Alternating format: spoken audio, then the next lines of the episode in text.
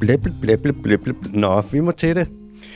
I dag skal vi først snakke om... Øhm, ja, I dag først så har vi lige... Lynhurtigt vender vi lige det, øh, den der geniale idé, jeg har fået med at invitere alle danske partiledere ind i øh, podcasten.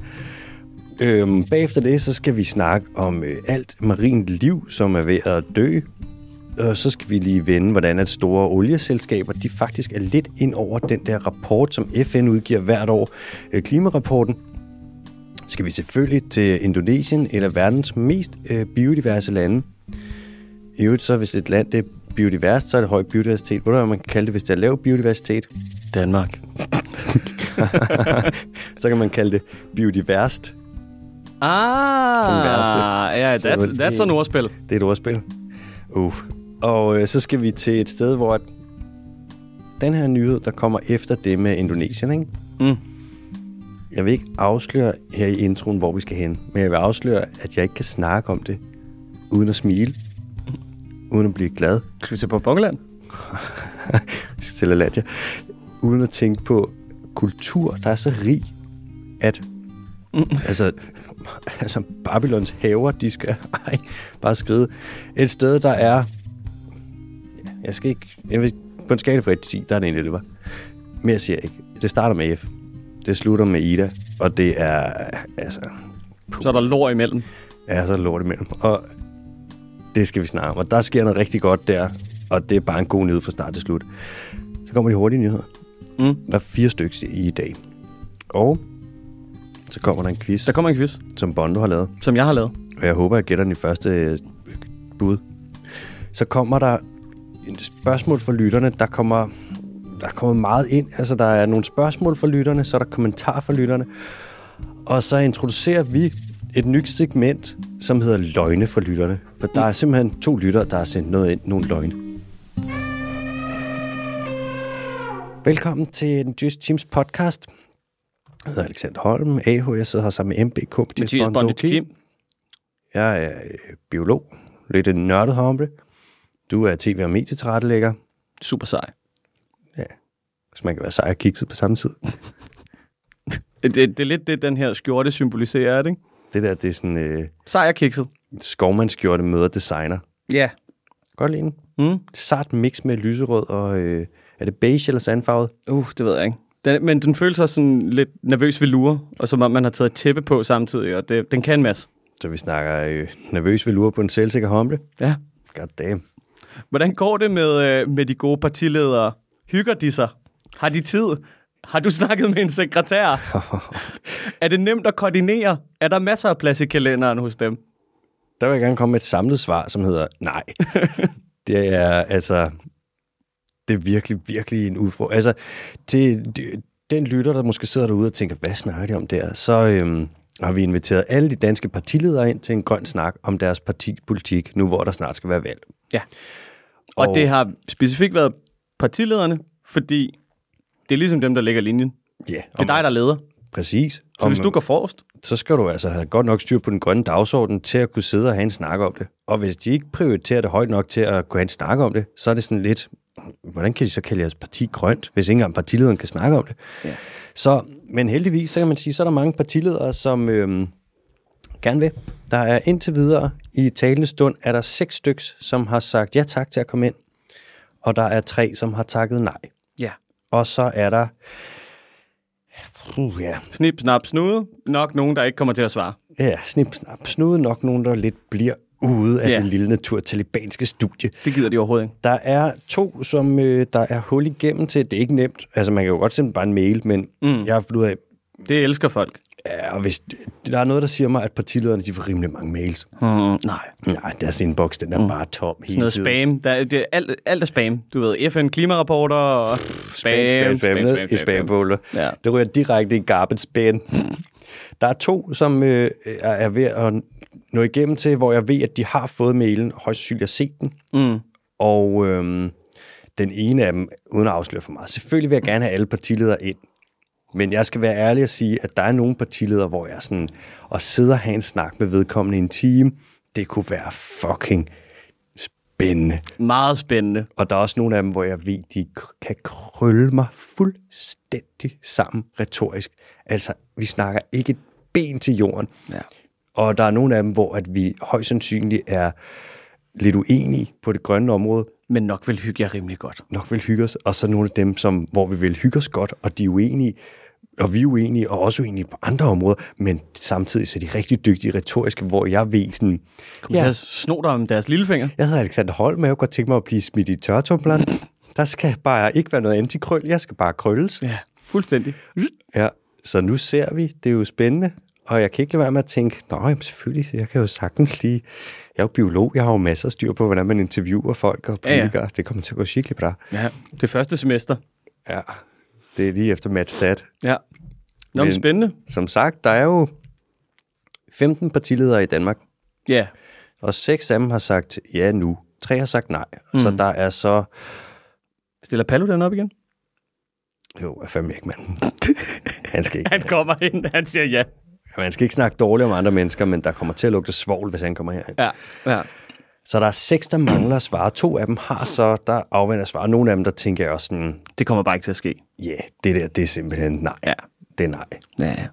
Og... De skulle have muligheden i hvert fald. Mm. Altså. Mm. Og det er jo det, det skal være lige mulighed for alle. Som Ja. ja. sagt, det er jo grønt valg, og hvis de gerne vil ind og Altså, Lad, os, redegøre for... lad, lad os nu se, om det kan komme til at handle om noget andet. Jeg kan se, at de allerede er i gang. Ej, der er nogle af dem, hvor jeg ved sådan, jeg spørger sådan noget, hvad tænker I i forhold til CCS og Power to X og klimaløsninger? Og så er de sådan, det ved jeg ikke, hvad tænker du i forhold til fadøl? Og så er jeg sådan, åh, oh, der fik du mig, det elsker jeg at snakke om. vi, ja. øhm, vi må se. Det bliver spændende. Det bliver skidespændende. Og i øvrigt, i den forbindelse skal det jo også siges, det valget kommer over, der bliver jo nok udskrevet valg i september. Ja. Og valget udkommer i oktober. Og jeg kan afsløre, at allerede nu, der er der legnet op, at at de kommer ind og gæster podcasten, de her partiledere, i september. Og vi forsøger så at få, eller det kommer vi ikke, vi forsøger ikke, vi får alle afsnittene ud mm. inden valget, så man ligesom har en idé om, hvad den grønne profil er for de forskellige partier, så man kan stemme ud fra det, hvis det nu er det, det man går op i, hvis man prioriterer ja. det. Og det betyder også, at der kommer til at blive udgivet nogle afsnit med øh, højere frekvens. Ja. Så alle jer, der har skrevet op partier, hvilket vi er super glade for, I betaler per afsnit, og vi kommer til at høve det. Altså best case scenario, det kommer nok ikke til at ske, men så 12 afsnit af stedet på forholdsvis kort tid, så vi ripper jer. Vi ripper jer. Bare lige så I ved det. Ja. Øh, og som altid, tusind tak til alle jer, der skriver op partier. Ja, det sætter vi virkelig pris på. fucking fantastisk. Ah, det er sgu dejligt altså. Ja. Så som sagt, det er hvordan at det ligger på øh, den front, og øhm, Ja, så vi øger lige frekvensen i en kort periode, men det er, altså, det er jo for alles skyld, og det kommer alle til gode. Mm-hmm. Og hvis du lige pludselig sidder og tænker, du ved, nu vil jeg gerne stemme X, ja, øh, men jeg ved ikke lige, hvad deres øh, klimapolitik er, ja. så er det jo så der, at man ligesom kan gå ned og dykke ned i pamfletten af et interview på øh, rundt regnet en times tid, bliver det, ikke? Ja, approximately. Ja. Og dem, der ikke stiller op, de partier, der ikke stiller op, der laver vi en special, hvor at vi dækker deres øh, politik. Ja. Så kan man gå ind der, så ligesom at slå op, så kan man bare gå ind og høre sådan noget. Okay, ja, det er det der, vi, vi redder verden med frikadeller. Hvor er det sindssygt, det vidste jeg slet ikke, man kunne. Savner Dan. kan vi ikke snart få noget mere Dan med i programmet igen? Vi kan, så snart han ikke er minister mere, så kan vi invitere ham ind. Uh, ja. Det kunne fandme være hyggeligt. Nej. Jeg tror, jeg, tror, jeg tror virkelig, han er en hyggefrans. Ja, det tror jeg også. Jeg tror også, han er god til at vide sådan, det der gider jeg ikke svare på, så nu skruer jeg lige op for hyggen. Ja, ja, lige præcis. Ikke? Så kigger han lige på en, du ved, lidt lunkent. Ja. Ja. Så er han sådan, Uh. har du nogensinde været i øh, München egentlig? Det var Danmarks Brad Pitt. Nå, Hvad med dig, MBK? Er der noget at berette fra, fra dit? Har du også kommet til at for eksempel øh, invitere en masse folk ind og fylde din kalender op med alt muligt, du skulle forberede, som du slet ikke har tid til og sådan noget? Mm. Eller? nej. Cool. Jeg laver ikke en skid. Sådan, mand. Jeg hygger bare. Kan se det på dig. Jeg tror, jeg kan... så Ja, du ved.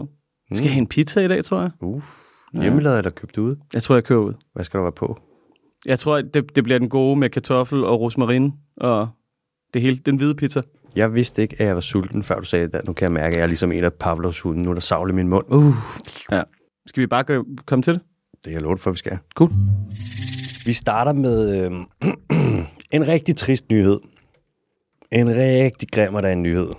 En øv, øv, øv. Der er nemlig lavet noget forskning, øh, som viser, at 90% af alle marine arter, altså alle de arter, der er i havet, ned til en dybde af 100 meter, de vil være kritisk troet af det i 2021, hvis vi fortsætter med at udlede drivhusgasser, som vi gør nu og det vil de være i 85 procent af deres udbredelsesområde. Det vil sige, Vi snakker størstedelen af alle fisk. Og det skal også lige sige som en lille sidebemærkning, at på global plan, så er det altså omkring 3 milliarder mennesker, der er afhængige af fisk som føde og proteinkilde. Øhm, Men det er jo heldigt, det er jo en rapport ligesom alle de andre. Altså, så den her er vel også ignorerbar, så at sige. den her den er endnu mere ignorerbar end rapporter, for det her det er en videnskabelig artikel. Nå, for helvede. Ja. Ej, pis. Undskyld. Ja, ja, ja. Ja. det er sådan en, hvor at Der kan du, der kan du bare lukke vinduet. Altså, på, øh, på browseren. det er det nemmeste at gøre. Ja, ja. Kender du det der, når man bare lige læser abstractet? Mm. Det kender politikerne ikke. Nej. Så hvad det sidder, der er det bare noget med at enten så hører du om den, og ellers så er du bare sådan, så ignorerer du den bare, når du ikke hører om den, eller et eller andet. Det her, det er jo vanvittigt. Hvis det er 85 procent af udbredelsesområdet, og i den her undersøgelse har de undersøgt 25.000 forskellige marine arter. Shit. Ned til 100 meter, ikke? Det er helt vanvittigt, hvor meget der vil blive skubbet til øh, fiskene, hvis vi udleder, ligesom vi gør nu. Det er jo også sådan, at alle dyr på planeten, alle organismer på planeten, vil blive påvirket af klimakrisen, og bliver allerede nu påvirket af den i højere eller mindre grad. Men hvis vi kigger på fisk, hvis vi kigger på fisk, Fisk.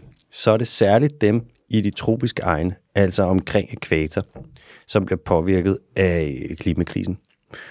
Dem, der er oppe ved de koldere egne, Arktis og Antarktis og sådan, de bliver lidt mindre påvirket. Og det er umiddelbart en anelse problematisk, for det er lige præcis i de tropiske egne, at folk afhænger allermest af fisk. Pis. Ja, Det er sgu da ærgerligt. sådan er det. Ja. Kan ikke vinde altid Nej. Hvor meget, og, og, hvor meget indflydelse har de sådan cirka? på det her. Ja, på, på global plan. Altså fattige lande, der ikke udleder særlig meget. Ja. Ikke noget dødt. Nej. Det er ikke fordi, at de, skal, de står Så med er alting, lorten. som det skal være. Ah, det er sikkert. For helvede, mand. Hvad fanden var det, jeg så forleden? Med et eller andet land, der ville blive påvirket helt vand. Jo, det var Pakistan. Pakistan udleder 1% så meget. Øh, 1, 1, 1% af. 1% af de drivhusgasser, som øh, USA udleder. Ja. Og prøv at se, hvordan det går med Pakistan nu. En tredjedel af Pakistan er oversvømmet. Ja, det er pissefedt. 50 millioner mennesker på flugt. Der er, de siger, der er et par tusind døde, men det er jo sådan, prøv at tage et land, der vil blive flækket midt over Ja. ja. og tælle de døde, ikke? Jo, jo. Og ved du, hvor meget de danske medier dækker det? Øh, Nul. Det er sådan en lille sideting. Det er sådan en fane et eller andet sted på DR. Det måske. Mm. Går I så godt i Pakistan over til sporten? Ja, præcis. Det er sådan noget, oh my god, Ja. Boris Johnson. Han, drak, Han har noget fjollet hår. han drak, Den finske statsminister har været til fest, ja. hun, og hun har danset. Okay, så sindssygt, at det fik så meget airtime. Vanvittigt. En kvinde har, altså, en kvinde har danset. Det er det. Og det er sådan noget, der er nogen til festen, der har sagt melis på finsk. Og sådan, Åh, oh, ja. hvad, det kan være, de har været ved at lave glasur, eller æ. Det, er sind, det tog overskrifter i hele verden. Drugtestede hende, og jeg ved kraftedeme ikke hvad. Det er skørt. Og så prøv at overveje danske, altså danske politikere, hvor meget mange af dem ikke har festet. Altså, hvor mange, der ikke har været ude og smadret fadøl, eller været nede på den der, det der sted, hvor man åbenbart ikke må snakke om, Ja, ja. eller snakke om politiske ting dernede ved. Det er helt vanvittigt. Hun kan godt nok skabe noget, øh, Noget snak. ravage. men hun danser også godt. Ja, ja, det må man sige.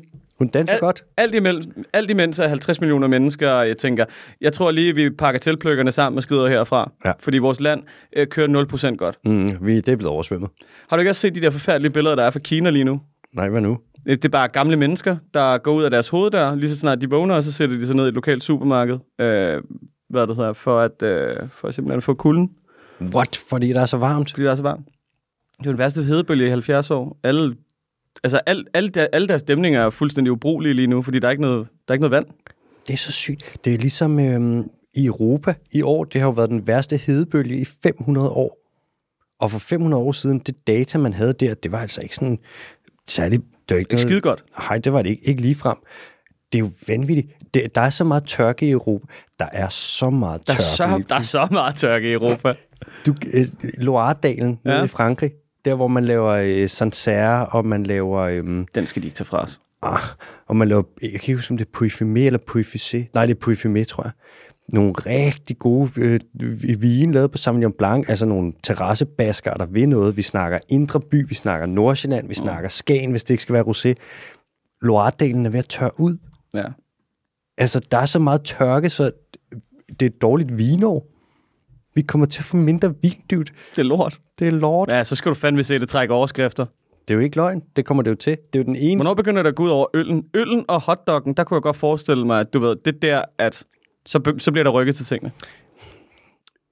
Det, øllen, det er mere det er køligere egen, men det kommer også til at påvirke øllen. Mm.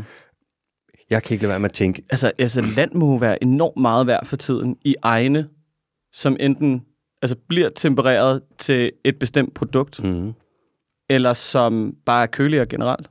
ja, dansk landbrugsjord bliver mere værd. Ja. Dansk, land, dansk, dansk jord, de danske egne, begynder at ligne champagne rent klimamæssigt. ja. Man vil snart kunne dyrke noget, der tilsvarer champagne i Danmark. Men er det ikke noget med, at man har solgt, man har solgt ud på dansk landbrugsjord? Jo, vi har solgt til udenlandske investorer, Ja. men de vil ikke sige til hvem. Nej, det var, men det var en god idé. Men det er jo heller ikke, fordi det er, en stor, det er jo ikke en stor ting, at vi har solgt ud af dansk jord til udenlandske investorer. Nej, tilsvarende Fyn, altså en tredjedel af... Det tror jeg faktisk, det er. Ja. Vanvittigt. Vi har det er Rasmus Vestergaard, ham fra, øh, han er, hvad fanden, er han? han er også folketings et eller andet nede i Sønderjylland for enhedslisten. Mm. Cool gut. Han har skrevet en øh, artikel eller to om det på et tidspunkt. Det kunne være, vi skulle have ham ind til en snak. Det kunne være sindssygt. Jeg tror lige, jeg skriver til ham. Det er jo ikke fordi, at vi mangler jo, vi mangler jo folk at få ind til special. Ja, det er ja, ikke fordi, lige at præcis. kalenderen den er fuldstændig propfyldt. Jeg kan også afsløre, at vi får en anden ind, som har sagt ja til at komme ind igen. Altså, Altså- en, vi har haft inden før. Ja, altså det er return. Ja, og Big return. Og man kommer til at høre ham lande. Ja. Mere siger jeg Sindssygt, ikke. Nå, vi skal tilbage til lyden. Som sagt, det er de tropiske farvande, hvor fiskene er allermest øh, påvirket af klimaforandringerne. Og hvis vi får, for, for øh, begrænset vores udledninger nu og lever op til klimamålene, altså Paris-aftalen, og holder temperaturen under halvanden grad, det er ikke realistisk, men så to grader, så er det ikke 90% af arterne, der vil være påvirket, men 2% af arterne. Så det er lidt alt eller intet, det her. Det er sådan, det her kan udspille sig på to måder. Enten kommer vi til at have en verden, hvor at øhm, havet det er sundt, og vi har fisk og alle de andre dyr i havet. Det vil sige blæksprutter og Spækblotter og... blækprutter, og vi har mus, muslinger, Møs, møslet. havsnegle, nudie branches, og vi har... Du hjælp mig dog, mand. Ja, ja, en, øh, Polyp. en poly, polypdyr. Ja. Ja, polypdyr. Ja. Ja. Enten har vi sådan en verden, eller så har vi en, hvor at... Åh, nu skal jeg ikke male det for sort op, men sådan en, hvor at økosystemerne på størstedelen af planeten, de er kollapset, og flere hundrede millioner mennesker, de er underernæret og nok dør af sult. Det er lidt de to ting, og... Men den her nye... Maler det drastisk op der, var. Ja, men det er, ikke, et- det er ikke så drastisk og sort, og det er ikke så deprimerende, for det er ikke sket endnu. Nej, nej. Det er... Øh, Det, det er fremtids Alexanders problem. ja, det kan man jo sige. Ja. Og jeg satser jo ikke på at blive mere end 150 år gammel. Jeg er jo live slow, die old. Jeg er jo en grønlandshej. Det må man sige. Det er derfor, jeg, A turtles. derfor, jeg holder min puls så lav altid. Jeg har en hvilepuls på 20, og en aktivitetspuls på 25. Nu, men der sker faktisk en god ting. Øhm, nu, det her, det er jo så klima. Hvor at klimakrisen vil gøre alt det her. Men hvis vi kigger lidt på sådan, øh, hvordan man faktisk be- be- er i gang med at beskytte dele af havet nu, så er man ved at lave noget ret sejt, og der er møder over i, i New York these days, hvor at, øhm, man, man prøver at få beskyttet 30 procent af de internationale farvande. Og det er altså, der snakker vi ret store havområder. Det er ret stort, ellers så er det jo, mm, der er jo fri leg ellers i de her store internationale farvande, men der er der jo selvfølgelig ikke mere, hvis man får beskyttet dem. Så kan man sige, så skal man opretholde beskyttelsen. Og et sted, hvor der ikke er nogen, der finder ud af, hvad der sker, det er altså langt ude på havet. Det har vi faktisk også en kort nyhed med senere, hvor der er en ting, man kan gøre, hvis du får sådan en observatør med på båden, som skal holde øje med din fangst. Og øh, du gætter aldrig, hvad det er, man kan gøre. Plopper dem i havet. Giver dem bænd for øjnene. Ja. Nej, det, det, kommer, det er en overraskelse. Det kommer i nyheden. Okay, Det gør de. det er løgn. Det er rigtigt. Der er virkelig der er ret mange, der er forsvundet der lige. Men det kommer i nyheden. Nå ja, Vi skal ikke tage hul på nyheden for hurtigt. Nej. Men det gør de jo det. øh, kan du huske den der øh, klimarapport, du udgav? IPCC-rapporten? Den der øhm, findes ikke. klimakrig? Det, det er en fantamogama. Er det bare noget, som naturtalibanerne har fundet på? Det skal jeg lige love dig for. Du har et skarpt øje for den slags, det kan jeg godt lide ved dig. Mm. Du, er, Jeg spotter det med 100 meters afstand. du har det, jeg vil kalde sund og en anelse overdrevet skepticisme. og det er en kvalitet, som er vigtig. Du har jo lige opsummeret Joe Rogan. Ja, den naive skeptiker. ved, øhm, Ja, ved, hvad siger den? Øh. IPCC-rapport. IPCC, det er inde under øh, FN. Det er deres klimapanel. Det er dem, der sidder sådan en masse lande sammen, så får de en masse eksperter og rådgivere og det ene og det andet, og så sidder de og pølser den her klimarapport sammen. Der er sådan lidt en status på, det er sådan en finger på klimapulsen.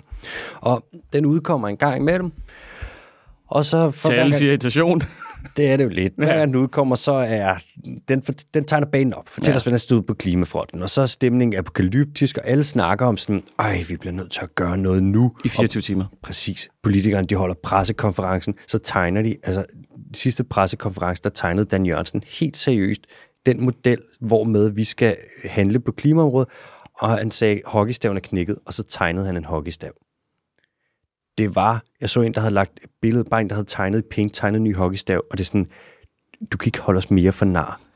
Du kan ikke holde os mere for nar. Altså, du har ret, det tager 24 timer, så bliver helt lortet glemt, og så er det ignoreret af alle de voksne indtil næste år. Men nu viser det sig, eller der er nogen, der har undersøgt det, kigget lidt på øh, forfatterne og hvem der er med i, i de her, hvem der er med til at forfatte de rapporter. Og det viser sig, at den fossile brændstofsektor, de er faktisk med til at skrive IPCC-rapporten og har nogle ret vigtige editor- og forfatterroller. Og det er et problem for den fossile Er brændstof. det, er det det, man vil kalde a conflict of interest? Ja, det er faktisk mere eller mindre per default. Det er det, der burde stå som eksempel i ordbogen. Ja. det er jo, den fossile brændstofsektor st- står bag 80% af de udledninger, som ligesom skubber klimakrisen i gang, ikke? Allegedly. Tror du, det er mindre? Tror du måske, der er nogen, der kommer til at putte et 0 på, så det kun er 8%? Ja, det tror jeg. Hvad med videnskaben? Ja, hold kæft med det der. Er det- Det findes ikke. Har du Hvordan, hvordan, hva- hvad får de lov til at skrive? Får de lov til at skrive forordet? De- De, øh, vi undskylder. De får lov til at skrive, og nu bruger jeg tre bogstaver. Ja. Og fremover, når du hører de her tre bogstaver sammen, ikke? så skal du rynke på næsen. Ja. CCS, CCS. Carbon Capture Storage. Yes. noget, man har prøvet at få til at fungere i lang tid, hvor du tager øh, det carbon, som er seet i CO2, Mm. og så fixerer du det lige en gang. Så du har sådan noget, hvor du tager og, ja, du tager simpelthen CO2 og laver det om til noget fast, og så laver du det ned i jorden. Nå ja, det har jeg set. Men det er noget, man, man vil fryse det eller sådan noget, ikke? Og- Jo, jeg ved ikke Spøjst. præcis, hvordan de gør. De har det der anlæg op på Island, de lige åbner det største carbon capture storage anlæg i mm. verden. Og det virker fucking godt. Ja, det virker meget godt, hvis vi havde, lad os sige, en milliardende del af den mængde CO2, vi har i atmosfæren nu. Nå, Det der kæmpe, kæmpe store anlæg op på Island, ja. det største i verden. Gigantisk. Det har kostet mange, mange, mange, mange, mange millioner. Det kan på, når hvis det kører et helt år, hvor det står for fulde gardiner og igen alt, hvad den kan trække, mm. så, kan det, sir- så kan det hive en mængde CO2 ud af atmosfæren, der svarer til, hvad vi udleder på tre sekunder. Klasse. Så man kan sige, Det, alting skal jo starte et sted. Ja, så det vi gør, det er, at vi bruger sygt meget energi på at bygge dem på hele planeten, og så bygger vi bare nogen, der alle sammen er endnu større, endnu større, endnu større. Det bruger vi en masse energi på, og så når vi har brugt al den energi og sluppet al den CO2 ud, så har vi jo noget at fixere. Ja. Og så kan folk arbejde der, så har vi skabt arbejdspladser, og det er grøn omstilling. Mm. Og alt det carbon, som vi fanger, det kan vi bruge til alle mulige ting, vi kan lave carbonfigurer, og vi kan lave carbonhuller fyldt med carbon, og vi kan lave alt muligt godt. Men hvad så? Det har de fået lov til at skrive et kapitel om. Det har de ikke fået lov til at skrive et kapitel om. Det har Nej. de fået lov til at skrive ind i IPCC-rapporten i det, der hedder Policy, Policy Summary, som er det afsnit, som politikerne vil læse. Og ved du, hvor mange gange de har skrevet det ind? Er det under... Er det, er det, altså, det er inde under, øh, hvad det hedder, den sektion, det kapitel, der hedder dumme idéer, kan jeg regne ud, ikke? Det er under den sektion, der hedder, det er det her, folk rent faktisk læser. Ved du, hvor mange gange de har skrevet det ind? Carbon Capture Storage, Carbon Capture, det ene og det andet. Rundt regnet alt for mange gange. 800 gange. Så kommer det tek- den tekniske Kan du afdeling. nævne noget? 800 gange? Det er vanvittigt. Der er en af dem, der har været med til at skrive det her IPCC-rapporten, som arbejder i Saudi Aramco. Det er Saudi-Arabiens statejet olieselskab. Det er Saudi-Arabiens svar på, svar på Statoil. Altså, han har haft en ledende forfatterrolle. Der er en del i øhm, IPCC, som er den tekniske gennemgang. Det er der, hvor det er sådan 1300 sider. Det er der, hvor det bliver lidt kedeligt. Det er skrevet af forskere. Der rådgiver man imod carbon capture storage og siger, det her, det skal vi ikke satse på, det går for langsomt, det virker ikke, vi skal stoppe med at udlede, i stedet for at fortsætte med at udlede og satse på, at vi kan øh, fixere. Men som sagt, så Ej, hvor irriterende. Det var da nogle hatere, det er forskerne, der kommer ind og er rigtig irriterende. Ja, som altid. Ja, Ødelægger det for alle os andre. det er lyseslukker, du. Nu er problemet, at vi giver penge til den fossile brændstofsektor, for at de skal blive grønne. Mm-hmm. Vi, har, vi betaler kulfabrikker i hele verden for at sætte filtre på deres skorsten, som skal stoppe skorstenen i at udlede så meget CO2, som, mm. som skal filtrere røgen lidt. Vi giver milliarder i tilskud. Altså, vi subsidierer den fossile brændstofsektor så meget, du tror, det er løgn. Vi gør det jo så for, at de kan satse på den her teknologi, som for det første ikke er færdigudviklet endnu, og som nok ikke kommer til at virke, og som i øvrigt ikke kommer til at kunne gøre op for mere end en brøkdel af den drivhusgas, som vi udleder. Vi burde jo udfase fossile brændstoffer i går. Hvis vi kigger på, og nu øh, kan du høre, nu er der kommet et rigtig rant her. Ja, ja. Hvis vi kigger på... Godt se, du har fået kørt dig selv op i et hjørne. Uha, dude, jeg har, det er godt, jeg har det med på, at jeg har røde ører lige nu. Jeg er så fucking easy. Du skal bare, det er også godt, jeg sidder ned. Ja. Uha, man. Gå, gå lige hurtigt ud og lave nogle popcorn, og så kan I læne jer tilbage. Jeg tager lige en sluk vand hurtigt. Det fordamper jo bare med det samme, det der vand, lige så snart det rammer læberne.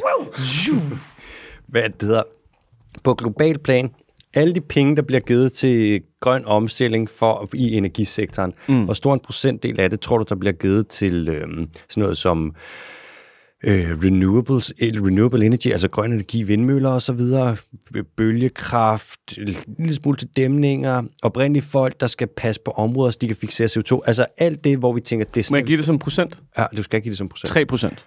Det er fandme tæt på, det er 3,75. 3,75? Ja, de sidste, det er så 96,25 procent, bliver givet til den fossile brændstofsektor. Det er en chat.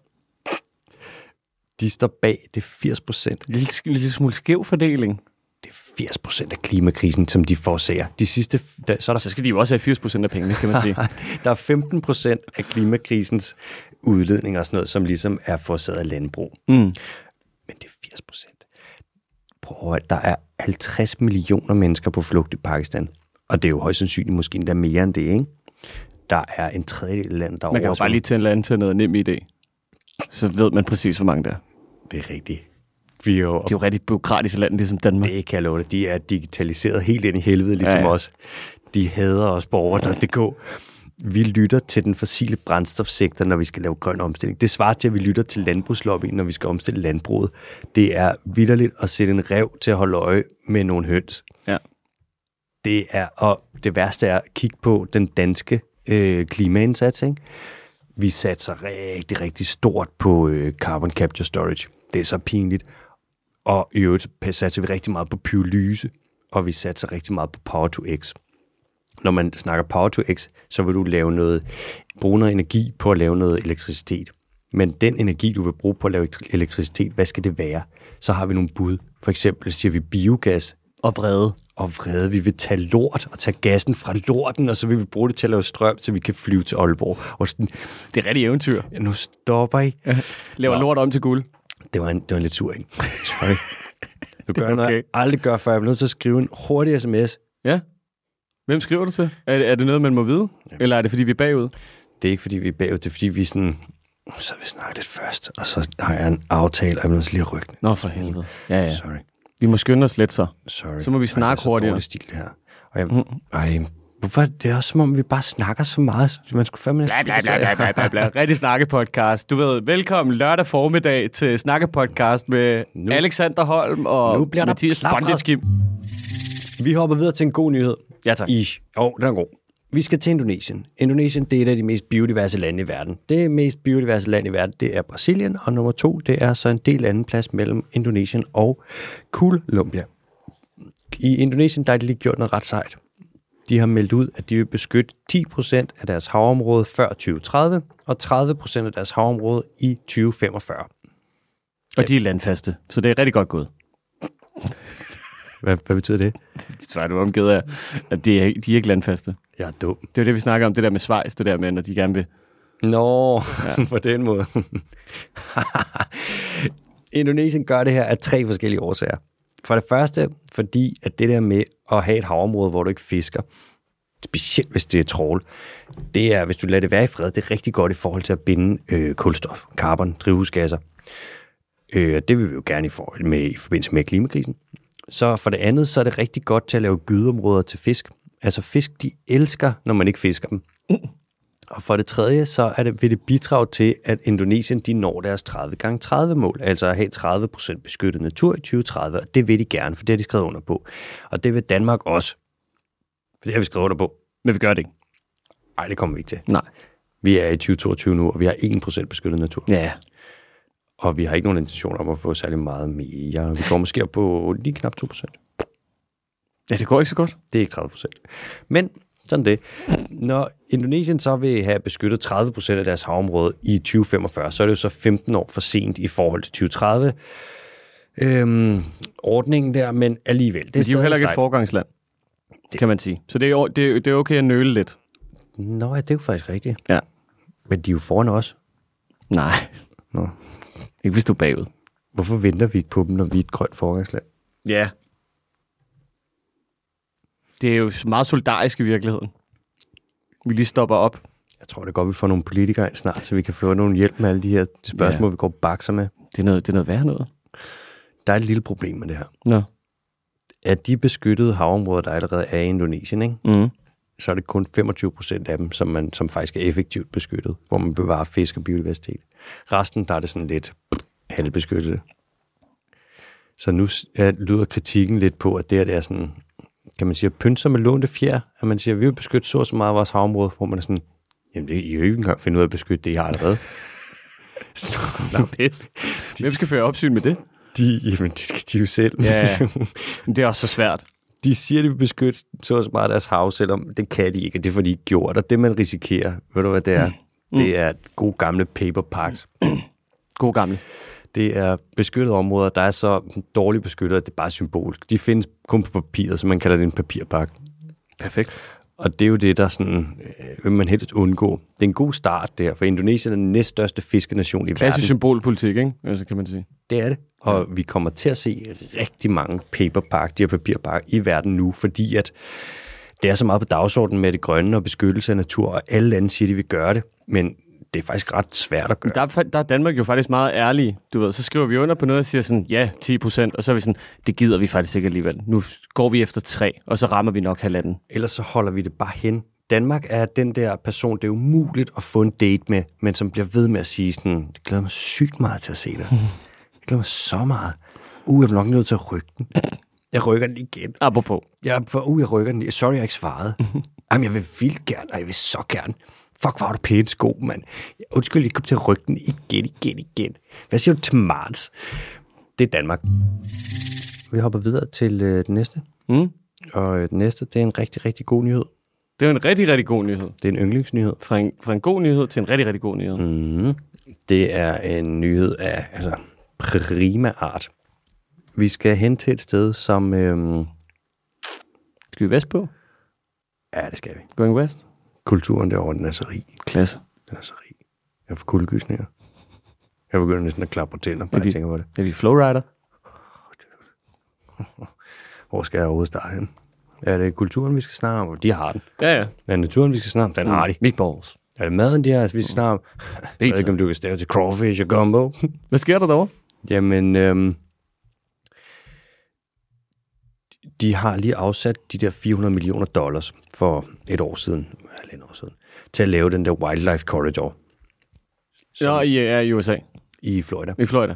Altså 400 millioner dollars, vi snakker mange milliarder. Ja.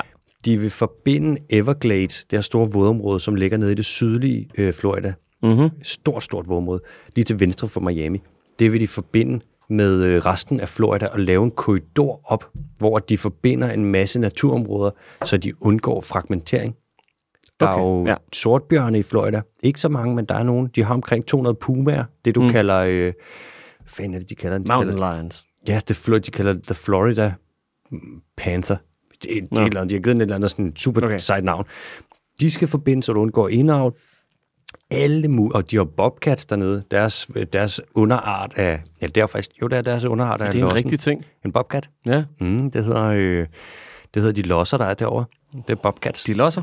De er losser. Det er fucking sejt, mand. Florida, de bruger virkelig mange penge på natur. De genoprettede også en flod, der hed Kissimmee-floden, tror jeg vist nok, hvor de brugte en milliard dollars på det. De gør Det det... slår, mig, ikke- det slår mig jo bare ikke som den der, du ved, vi går lige forrest på Naturfrontens stat. Det er, det er underligt, for på nogle områder er det heller ikke, men på andre områder, for eksempel det her, der gør de virkelig meget. Jeg ved ikke, om det er, fordi der er så mange pensionister, og pensionister elsker jo sådan noget med lidt fin natur i baghaven. Ja. Øhm, Det skulle godt være. Jeg ved ikke, hvorfor de gør det egentlig. Men en af grundene til, at de øh, gør det her nu også, med at lave den her korridor, og vil stoppe lidt floder i, øh, eller øh, stoppe, beskytte nogle områder, nogle vådområder, det er blandt andet, at de vil gøre, at landbruget ikke udleder så meget øh, pesticider og kvælstof, at alting dør, i modsætning til Danmark, hvor nu, der har vi jo faktisk et område af det danske hav, der er på størrelse med Lolland, hvor at alt er dødt på grund af ildsvind, fordi at landbruget de har udledt for meget. Så, så, så, så, så. Sorry. Så er det også fordi i Florida, de vil sikre, at de har rent drikkevand, ligesom vi ikke gør i Danmark, hvor at der jo Så, er... så, så, så. Ej, hvorfor er jeg så tavlig i dag? Du har virkelig fået kørt dig selv op i et et negativt hjørne. Undskyld. Jeg, nogle gange så tænker jeg bare sådan... Og nu, sorry, nu tænker jeg, nu siger jeg det bare højt.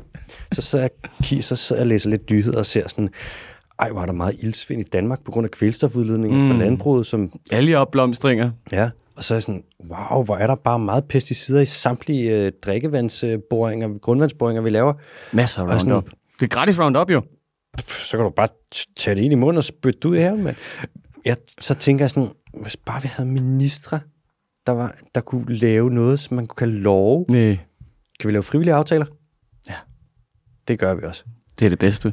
Nu, øh, Det er folks livret. Mette Frederiksen kom frem her, nu kom enhedslisten med deres udspil, Mm. mm. hvor de sagde, som vi snakkede om sidst, reducere antallet af landbrugsdyr med 50 procent. Det skulle de aldrig have sagt.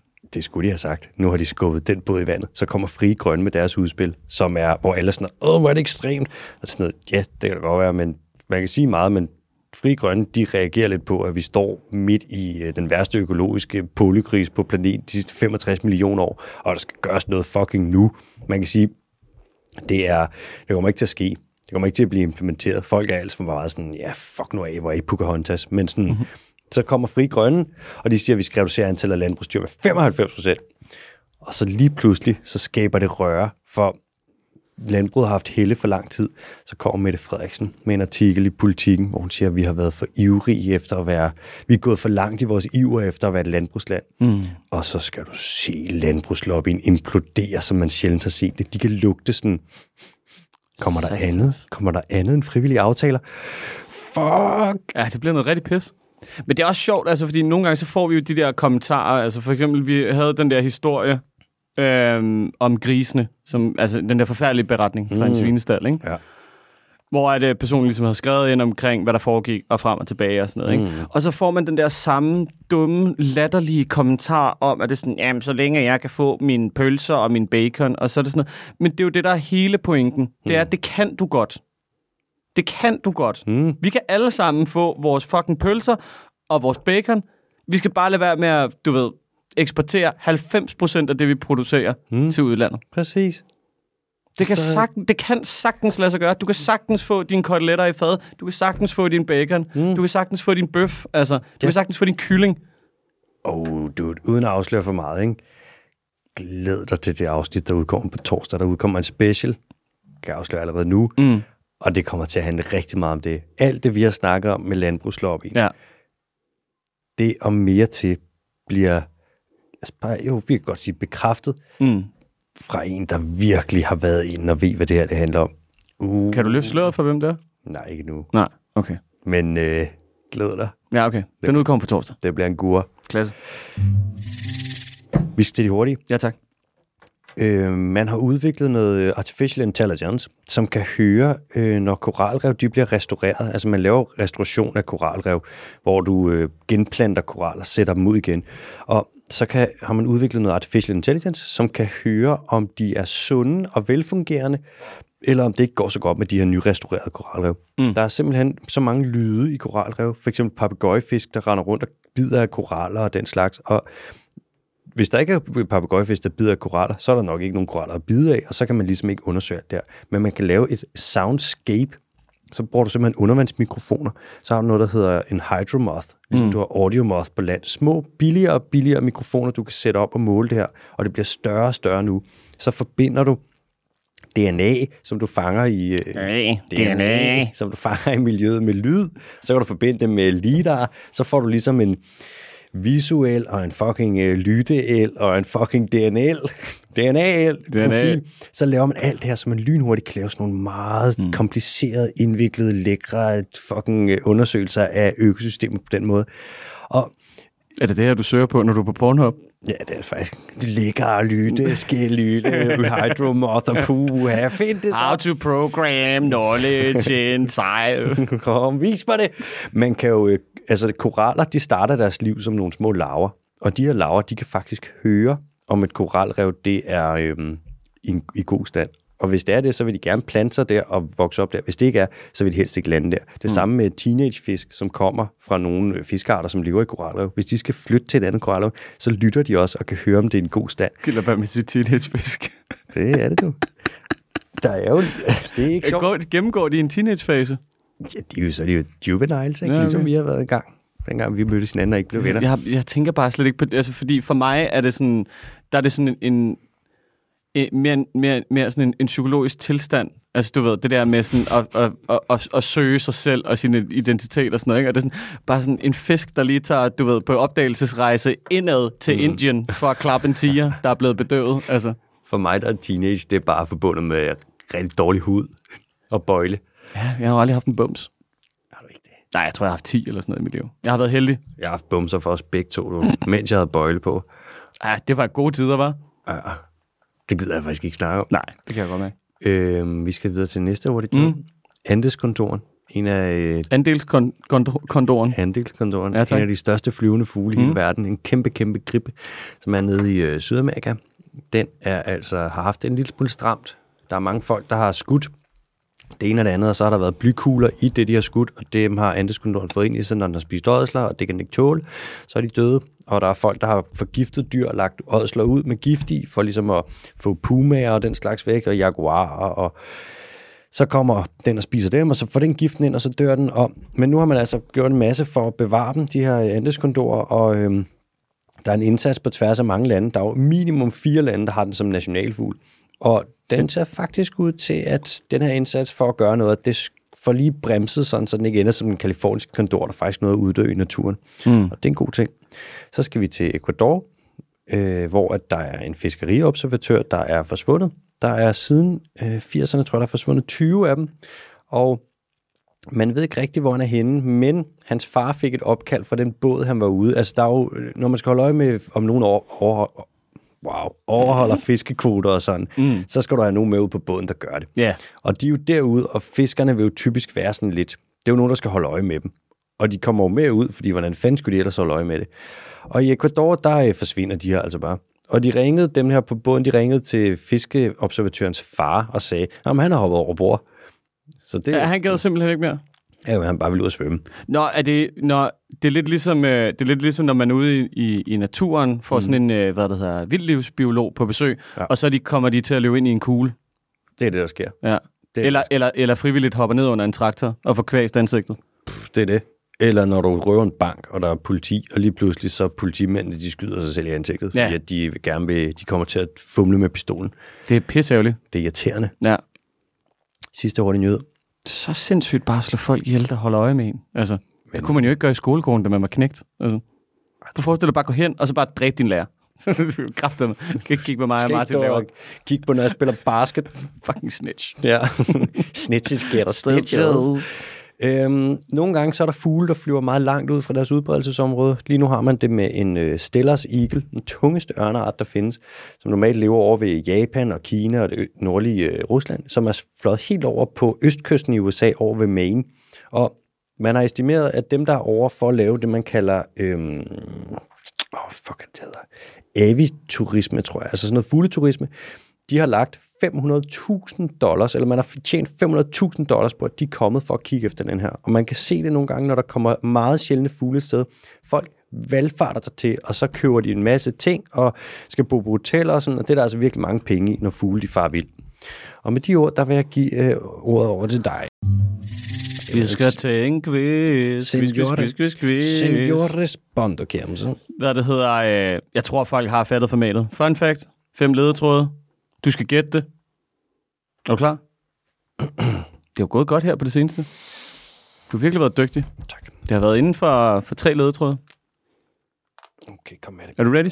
Kom med det. Jeg er en dygtig migrant, der tilbagelægger tusindvis af kilometer i løbet af et år. Hmm, Det kan være det er enten et pattedyr eller en fugl. Altså, det er virkelig... Det er virkelig ikke altså, et højorienteret dyr. Det er et venstreorienteret dyr. Ja. Det er en... Gennem, Det er sådan må, en jeg få, politisk joke omkring immigranter. og- Ja. må jeg få en... Må jeg komme med, få en, komme med et lille ledende spørgsmål? Ja. Er det i vandet? Nej, fordi de hygger bare lidt rundt, ikke? Altså, Hmm. Det er en fugl. jeg har et spørgsmål bagefter. Vil du skyde det ind nu, eller vil Nej, du vente? nej, nej, vi skal snakke om det bagefter. Må jeg bede om næste ledtråd? Yes. Øh, jeg er typisk øh, 60-80 cm over skuldrene. Så it's not a bird. Og vejer i snit 50-60 kilo. Er det rensdyr? Nej. Kæmpe finlanddyr. Altså et rensdyr. Helt sindssygt. Jeg kan ikke sige samer, uden at sige rensdyr. Nej, de er pissfede. Mm, bup, bup, bup, bup, bup. Er Ja. det... Mm. Kør. Du sagde, det migrerer flere tusind kilometer. Ja. Svært. Jeg lever i store flokke og mødes med andre hunder, når vi skal føde. Og du sagde, den var mellem 50 og 60 kilo? Ja. Det er helt sikkert et pattedyr. På land. Mm, bup, bup, bup, bup, bup. Vandre. Det er enten i Afrika eller Nordamerika. Det er i Afrika. Muligvis. But I don't think so. Okay, så er det i Nordamerika. Ja, det kan jeg garantere dig, det ikke er. Fuck. Mm, Jeg hører typisk hjemme i standerlandene. det er en saiga. Det er det da. Ej, hvor er det pinligt, jeg ikke kunne gætte den lidt hurtigere. Den sidste ledetråd, det er jo, jeg har et sjovt snavshaft. Jeg har horn. Og AH har engang tegnet et portræt af mig. Så den fik uh, Thor Jarsen. Den har Ja. ja. Thor Jarsen stående på hans kontor op ved WWF. For helvede, dude. Stor dejlig mand. Den var, uh, ja, shout out. Ja. Ja, men det er fordi, du ved, Saigan, og du ved, der var alt det der med, at hvad er det, man har fundet 125.000 ud af en population på 250.000, som bare er omkommet i løbet af et år eller sådan noget. Mm. De ledetråde var lidt for lette, så det kan godt være, at den blev sådan lidt... ja. Ja. Stadig spændende dyr. Den eneste antilope, der lever så langt nordpå, kan løbe fucking hurtigt. Kan løbe 65 km i timen. ja. Og det, er- hvad er det, det er noget med, at det er den eneste sådan naturligt fremkommende antilope-art Mm. mm. i Europa. Ja. Ja, Men den findes der ikke mere. Efter 2. verdenskrig, så Ja. var der vildt mange af soldaterne fra Sovjet, som kedede sig. Mm. Og på det tidspunkt, der var der flere millioner saigaer. Så skød de helt lortet. så plukker de dem. Skød alle sammen. Altså, næsten, ikke? Jeg tror, jeg, altså det er så ofte jo, Mm. Men at det, tingene bare bliver plukket i smadret. de her, det var ja, vanvittigt mange, de skød. Ja. Ja. Så var man sådan, I skal lige stoppe med at skyde dem. De skulle være at uddø. Jeg tror heller ikke til den her med, men det er, sådan noget, med- er det noget med, at deres horn er sådan lidt semitransparente på en eller anden måde? Sådan gennemsigtige. Ja, ish. Eller i hvert fald, du ved, har sådan en hende-agtig. Det kan sgu godt være, det ved jeg ikke. Ja. Det der snudeskaft, det er totalt Star Wars. Altså gå ind og søg på Saiga-antilope, og så Ja. ja. se noget, hvor man tænker, kæ. ja, men det er noget med, det er sådan, at jeg giver lidt filter. Ja, det er For, For, fordi, øh, der støver så meget ja. ja. på, på sletten, ikke? Og hvis I skulle være i tvivl, så selvfølgelig bliver hornene også eksporteret til Kina, fordi de indgår i traditionel medicin. Det er rigtigt, de bruger dem til uh, traditionel medicin. Ja. For, Virker, for en gang skyld. virker de? Ja, det virker skide godt. Godt. Altså, der er- render altså, flere milliarder, det er jo halvanden milliard, der bare render rundt med stiv pik lige nu, fordi de har spist, du ved, sejke antilopehorn. Kan man bruge noget andet i stedet for? Nej. Hvis bare man opfandt en eller anden pille, der kunne hjælpe med den slags, når ja, Ja, det det kunne være erektil lækkert. dysfunktion, Ja. kunne man kalde den et eller andet sådan noget. Vi, vi, øh, fuck det. Det kan jo aldrig til at ske. Nej. Nå, vi skal til øhm, kommentarer og spørgsmål fra øh, lytterne, og løgne fra lytterne. Jeg glæder mig virkelig til løgne. Nej, jeg havde, det var, det var et spørgsmål. Spermvalen. Mm. Åh oh, ja, Ja, spermvalen. Hvad, hvad, er, det, er det rigtigt, at dens kliklyd er så høje, så hvis du står ved siden af den, så dør du? øh, ja. Øh, det, så kaskelotten Er det kaskelotten? Det er kaskelotmalen, den hedder, men den hedder spermale på engelsk, på grund af spermacetis organ, den har i hovedet. Den laver de højeste lyde af alle dyr overhovedet i dyreverdenen, og hvis den klikker dig lige ind i ansigtet, dine trumhinder, de vil springe, og jeg ved ikke, om du dør, men det skal ikke komme bag på mig. Du kan jo sagtens få interne blødninger af sådan noget. Principielt, Ja. den, øh, der er virkelig smæk på, du, får, du bliver døv. Altså, jeg tror, så vidt jeg ved, at det aldrig er sket med nogen, men man kan jo måle på, hvor meget smæk der er på lyden der, ikke? og der mm. er virkelig smæk på. Og det er dem, der sover som et sterinlys, der hænger til tørre, ikke? Ja, det er det nemlig. det er faktisk præcis sådan, ja. det, er. ja, det gør de. Nå, vi starter med en kommentar fra en lytter, og det er fra en gammel klassiker. Det er en lytter, som vi har haft med her de sidste, er det tre afsnit? Nu Er det Bob. f- Fjerde afsnit? Er det Sif? Det er Sif.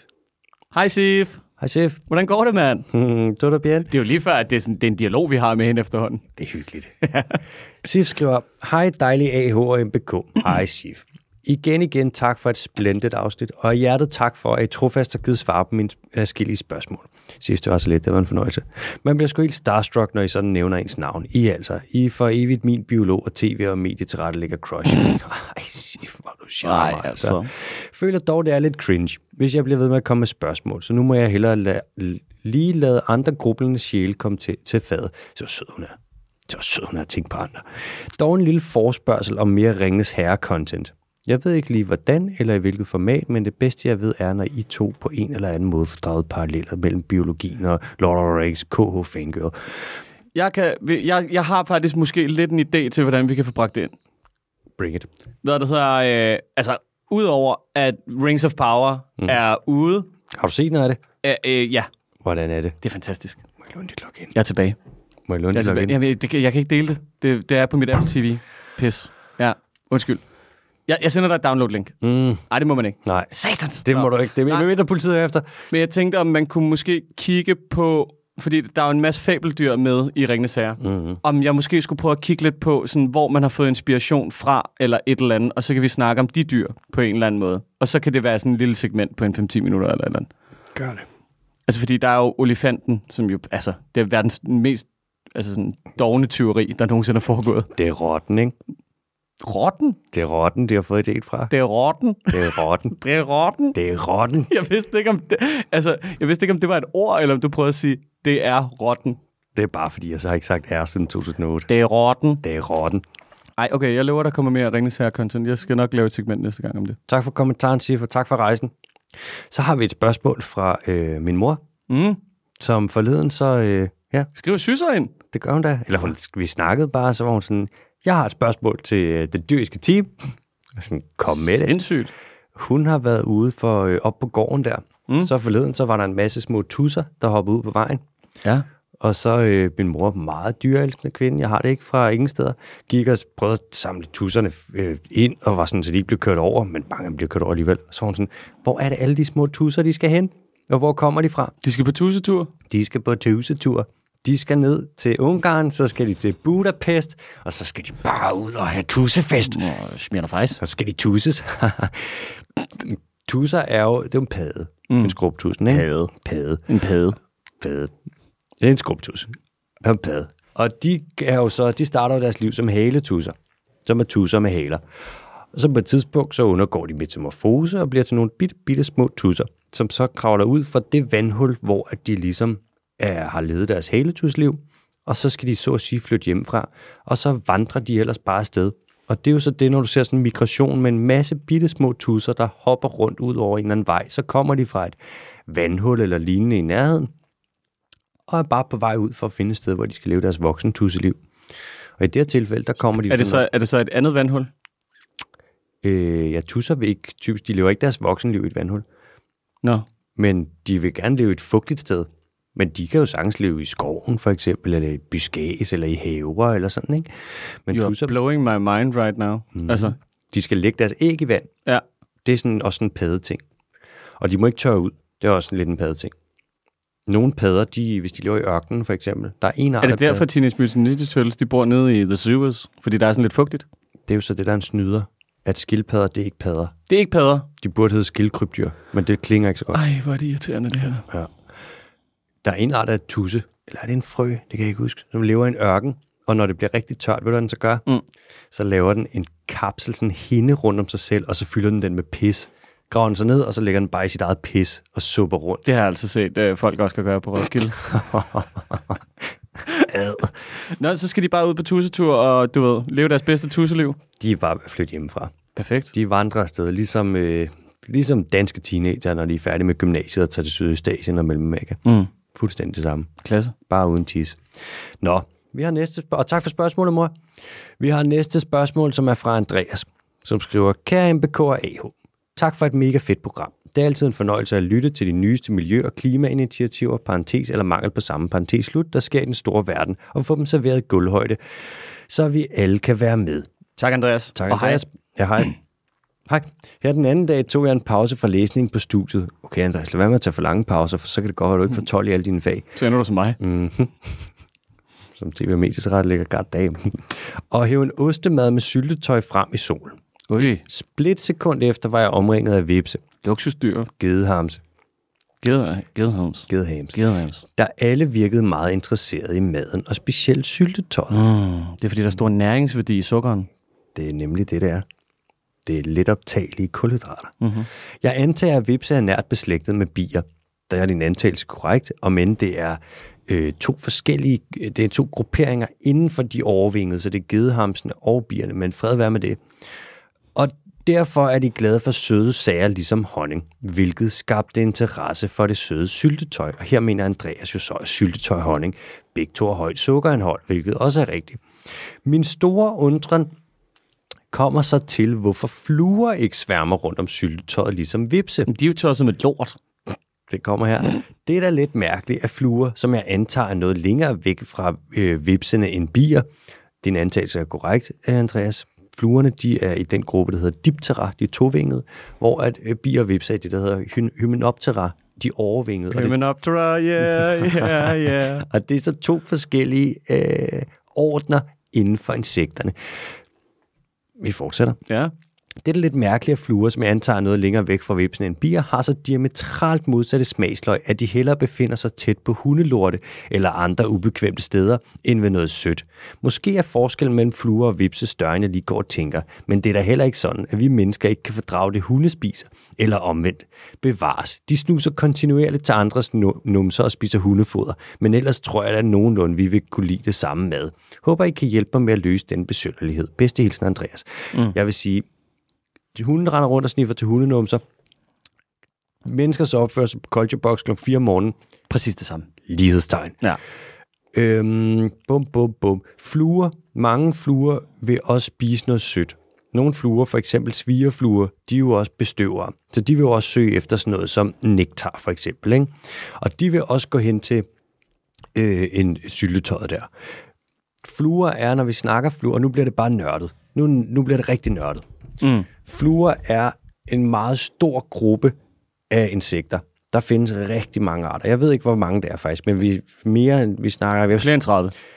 flere end 30.000. Jeg vil skyde slag på tasken, så findes der nok. Diptera tror jeg er 112.000 arter. Det omfatter så myg og fluer. Stankelben, det er også myg for eksempel. Og jeg vil gætte på, at der findes omkring 70.000 arter af fluer, hvor der findes omkring 39.000 arter af bier. Det vil sige, at der findes nok flere arter af fluer, end der findes arter af bier og det, som vi kalder vipse, altså gedehamse, til sammen Hamse. hamse. Og nogle fluer, de lægger deres æg i lort og i rådne lig. Øhm, og det er derfor, at der, så der kommer... God start på livet. Er du gal, man? Bare finde et ådsel, og så være sådan, kom så babies, mm. grow up.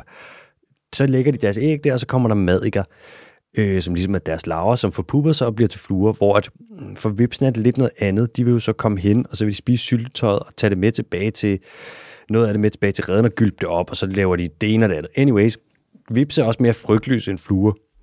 Nogen i hvert fald, ikke? Så dem vil du se mere, og så er der højst sandsynligt bare flere vip, altså gedehamse, end der er fluer lige der, hvor du så har spist din sylt, syltetøjsmad. Mm. Men umiddelbart, der er der også nogen, wow, det bliver et langt svar det her, der er nogen fluer, der vil kunne lide det samme som nogle gedehamse og nogle bier. Men fluers levevis er også lidt forskellig fra deres. Og som overordnet set, der er bier, det er mere udpræget bestøvere, som jo rigtig godt kan lide nektar, som minder om honning og syltetøjsmad, Der er flere bier, der bestøver, end der er fluer, der bestøver. Du har tabt mig nu. Godt. Du kan godt se det, ikke? Godt. Jeg har helt glaserede øjne. Du er helt, Helt væk. glaseret. Du Ja. ja. ligner en gedehams. Mm. Glaseret skinke. Zup, zup. Vi hopper videre til det nye segment. Løgne fra lytterne. Oh. Nej, hvad det gør vi ikke. Vi har, vi har et spørgsmål mere først. Uh, Ja. der er Hold da mange. op. Hvorfor er der mange? Det bliver et langt program i dag, hva'? Hvad er vi på? En time og 20? Det, det ved jeg ikke. God damn. Nej, vi er på en time. Uh. Ja. Det er fra øh, Isabella, som skriver, Hej MBK og AH. Tænkte, at dette kunne være ret relevant at tale om. Prik, prik, prik. Jeg cyklede i går hjem fra biografen langs Sorte Damsdoseringen i København, det er ude ved søerne. Da et kæmpe fyrkerishow blev fyret af for tredje dag i streg grundet DHL, det der løb, i fældeparken. Jeg blev ret forbløffet over at se svaner, blishøns, ænder og skarver flygte i flokkevis fra søerne. Det var mørkt, og folk var selvfølgelig meget betaget af fyrkeriet, der på afstand lyder som om Østerbro bliver bombarderet hver aften denne uge. Men mit dyrehjerte gjorde ondt, da jeg så alle fuglene flygte. Jeg ved, at jeg har talt om dyr, der er døde af stress i suge grundet unødvendig opera med mere. Vil derfor gerne høre jer tale lidt om konsekvenserne af en uge med fyrkeri hver dag lige op og ned af søerne. Som om det ikke var nok, at der de sidste år er blevet bygget metro lige ved søerne. Tak for en fed podcast. Kram til jer begge fra øh, Isabella. Tak for spørgsmålet, Isabella. Tak.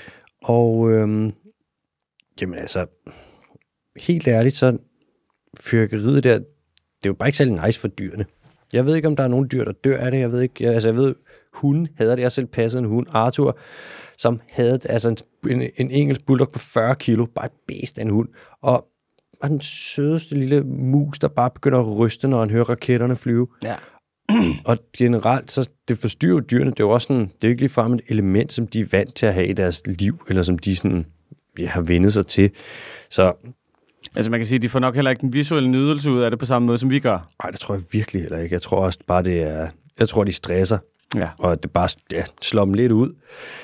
Så Men det- men er, er der ikke også fyrværkeri hver s- lørdag i Tivoli? Jo. Og så løber det bare langs, øh, langs gaderne der hele vejen op. Du kan høre det helt op på øh, Frederiksberg. Ja. Lyder det som om, det er lige ude i haven.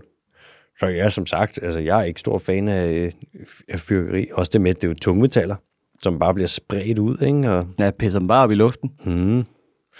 Men ja, ikke optimalt. Jeg kan, ikke, jeg kan sgu ikke svare på øh, konsekvenserne af en, af en uge med fyrkeri, men jeg vil ikke gætte på, at det går. Jeg vil gætte på, at det er en masse stress for dyrene. Alt andet lige. Altså, det, det hælder sgu nok ikke ned i miljøskolen, i hvert fald. Nej, det tror jeg heller ikke. Med en masse tungmetaller. Ja. det er ikke det bedste, man kan få i sit system. Nu kan man sige, at det er ikke, meget af, det er ikke mange af dyrene i København, som hvis de får lidt af det her tungmetal ind i sig af den ene eller den anden vej. Det er ikke mange af dem, vi spiser. Så, så det er nok ikke så meget, der kommer ind i os. Med mindre det så selvfølgelig bliver vasket ned i grundvandet, men der bliver det jo filtreret fra. Nå, Så skal vi til løgne for lytterne. nu skal vi til det nye segment, lytterløgne. Mm. Det første, det er Emma. Altså, har jeg skrevet ind med en bevidst løgn? Mm-mm. Nej, Ja, ja. Men en, hvor at jeg ser med det samme, at der taler om en løgn her. that's a løgn. Det første er fra Emma, som skriver en anden besked. Den anden del af beskeden, det er lige meget, det er vi ikke med. Men så skriver hun, og en lille PS, parentes, selvom I sagde, I ikke ville høre om det, parentes slut, i et vildt skud gættede jeg faktisk også artvark, altså jordsvin, i sidste uges quiz. Men kun fordi jeg har set min Omaha suge, hvilket i øvrigt er he- en helt vild suge. Så til både jer og alle der andre derude, der vil med suges, der rent faktisk gør noget ud af at lave ordentlige anlæg. Kæmpe anbefaling. Deres ørkendomer, underjordiske sump er vanvittigt fede. Ja, fedt Emma, at de er fede, men du skal ikke lyve. Du gættede ikke jordsvinet lige så hurtigt som mig. Det er godt, at du har været i udlandet over i Omaha og gået og kigget på dyr. Rigtig blærerøvsbesked. Men at gætte det lige så højt? Nej. Vi sagde det, og nej, det er en løgn. Først, den første løgn, den er hermed altså ude. Synes vi, Emma. Tak, Emma, for beskeden. Tak, fordi du Jeg, jeg, lyver. jeg, jeg står med Emma. Ja, så står du så står I Så alene. Det, det, det kan være, at vi lige begge to skal læse de løgne igennem, før du bare præsenterer det som om, at det er sådan et redaktionelt tiltag at bare Aha. drille Emma. Bare vent. Den næste her, der er du på min side. Nå, okay. Er det Dan, der har skrevet? Nej, det er, li- det er en, der hedder Linnea. Nå, okay. Hej, Linnea. Hej Linnea. Hun Skriver, hej I to. Tak for et skønt program. Jeg elsker at grine med jer. Vi elsker også at grine med dig. Mm. Jeg sidder og ser en engelsk serie fra 2018 på DR, og sørme om der ikke i allerførste afsnit 38,58 minutter inden er en grævling. så den fandtes som ikke andet dengang. PS'en ser meget ægte ud. PPS, serien hedder A Very English Scandal. Der vil jeg sige PPPS. Det er jo ikke en dokumentar. Lad være med at lyve. Det var vel lyve. Lad være med at lyve. Skal I så skrive... Løgner I? Ja, vi begyndte at se den nye Game of Thrones, der mm. findes drager. Mm. Nej, mm. Linnea. Linnea, liar is thy name. Lad være med at lyve. Sådan fandtes dengang. A very English scandal. Gud gjorde den altså, mega røv ikke. Ja, så fandtes der noget, der aldrig har fandtes. Findes ikke. Men det er, hun sidder også og ser fiktion. Det er jo ikke, altså, det er jo ikke a, a very English documentary about real life. Det burde hedde A Very English Lie. Det var det. Det var det. Det var Tak det nye for i dag. segment. Stop med at lyve, det er... Det skal man altså. Ja. Ja. I må, I må gerne... I må, I må gerne øh, nej, hvad fanden var det, jeg skulle til at sige? I må gerne gå ind på 10 her og Ja. skrive ja. op, hvis I vil sende en lille mønt i vores retning. Det vil vi sende rigtig meget pris på. Ja. Man kan gå ind, jeg tror, man kan google og skrive 10, altså bare tallet, et 1-tal og et 0, og så en lille brik, og så ER, og så skrive den dyriske time. Mm. Eller man kan gå ind på Instagrams på det link, der er der på Linktree, Link. og blive pølset ind den vej, og vi sætter rigtig, rigtig meget pris på det. Og hvis I ikke gør det, så... Øh, whatever, man. elsker det er også vi jer fint stadig. Nok. Ja, vi skal nok overleve. Tak for i dag. Tak for det. Hej igen.